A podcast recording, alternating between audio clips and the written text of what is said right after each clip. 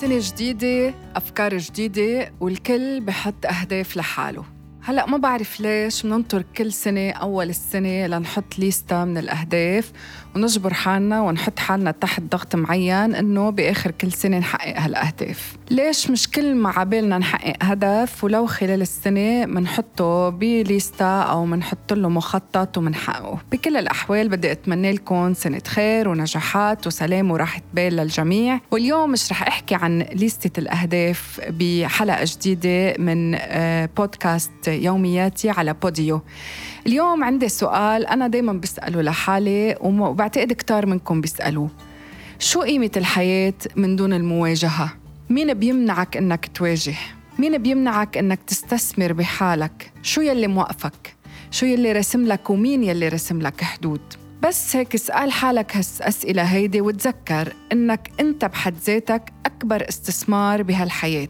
تذكر إنه ما حدا عم بخطط عنك ولا حدا بيقدر أصلاً يخطط عنك لأنه ما حدا ولو قد ما بيعرف عنك ولو قد ما قال لك إنه هو حاسس فيك ولو قد ما قال لك إنه هو بيفهمك رح يقدر آه، يعرف يخطط عنك أو يقدر يعرف مية بالمية أنت شو بدك شو يلي بيريحك شو يلي بيزعجك. حتى ولو إنه ثلاث أرباع الكرة الأرضية قالت لك إنه نحن منفكر مثلك. بالنهاية لو الأفكار تشابهت بس التفاصيل بدها تختلف والطموحات لازم تختلف لأنه ما فيك تكون نسخة عن غيرك. ما حدا بيقدر يعرف طموحاتك إمكانياتك شعورك أفكارك تعبك جهدك قدراتك إلا أنت. عشان هيك استثمر بنفسك اولا. استثمر بفكرك بصحتك وبعدين بأموالك.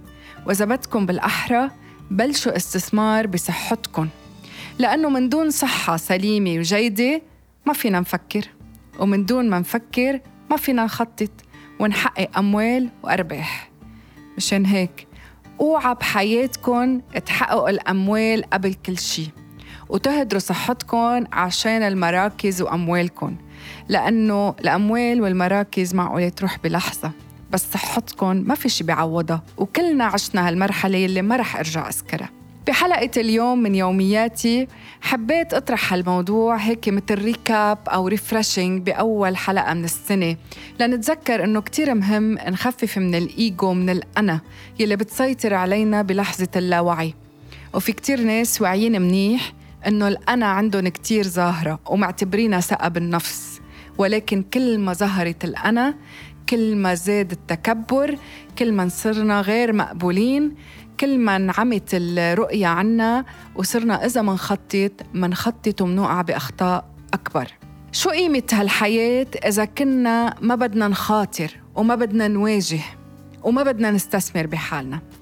شو قيمة الحياة إذا ما خطرت وجربت أشياء جديدة وطرق جديدة وأساليب جديدة لأشياء يمكن أنت أصلاً مرقت معك بالحياة؟ شو قيمة الحياة إذا ما بتعرف تطرد الخوف من جواتك؟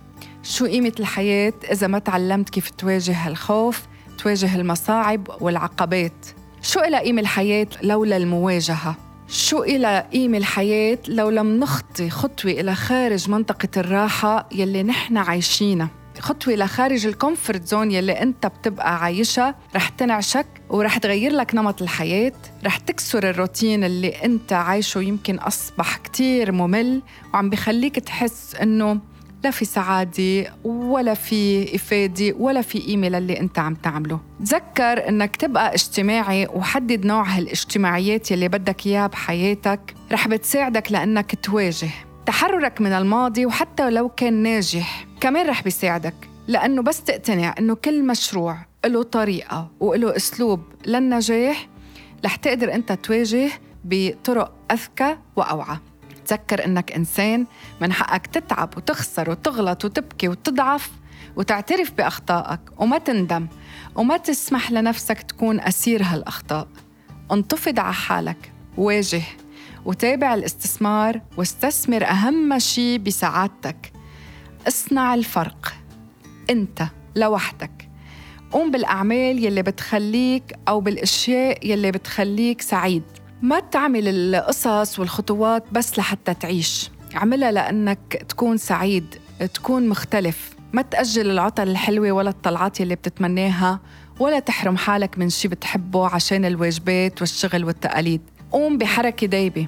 وتذكر بأنه في اكشنز بتريح ما بتتعب. مثل تمشي بالهواء الطلق مثل فنجان قهوة ودردشة خفيفة مع مين بتحب مثل مشوار بالطبيعة مثل جلسة على البحر وتأمل شروق أو غروب الشمس مثل إنك تلتقي بحدا صار زمان مش شايفه مثل إنك تقرأ كتاب أو يمكن مقطع من كتاب أوقات بكفي مثل إنك آه، تقطع حالك عن القصص الروتينية وتقوم بقصص صلك زمان مش عملها وهي دعوة هالسنة لنقول back to basics قد إيه في قصص كنا نستمتع فيها ونشعر فيها ونستثمر فيها وتعطينا إفادة قبل ما تغزينا ال technology وال social media وكل هالقصص. بعرف ما بقى حدا منا ما بيقدر يستثمر إلا بال technology وال social media وكل شيء أونلاين وحياتنا كلها عم تتحول للذكاء الاصطناعي.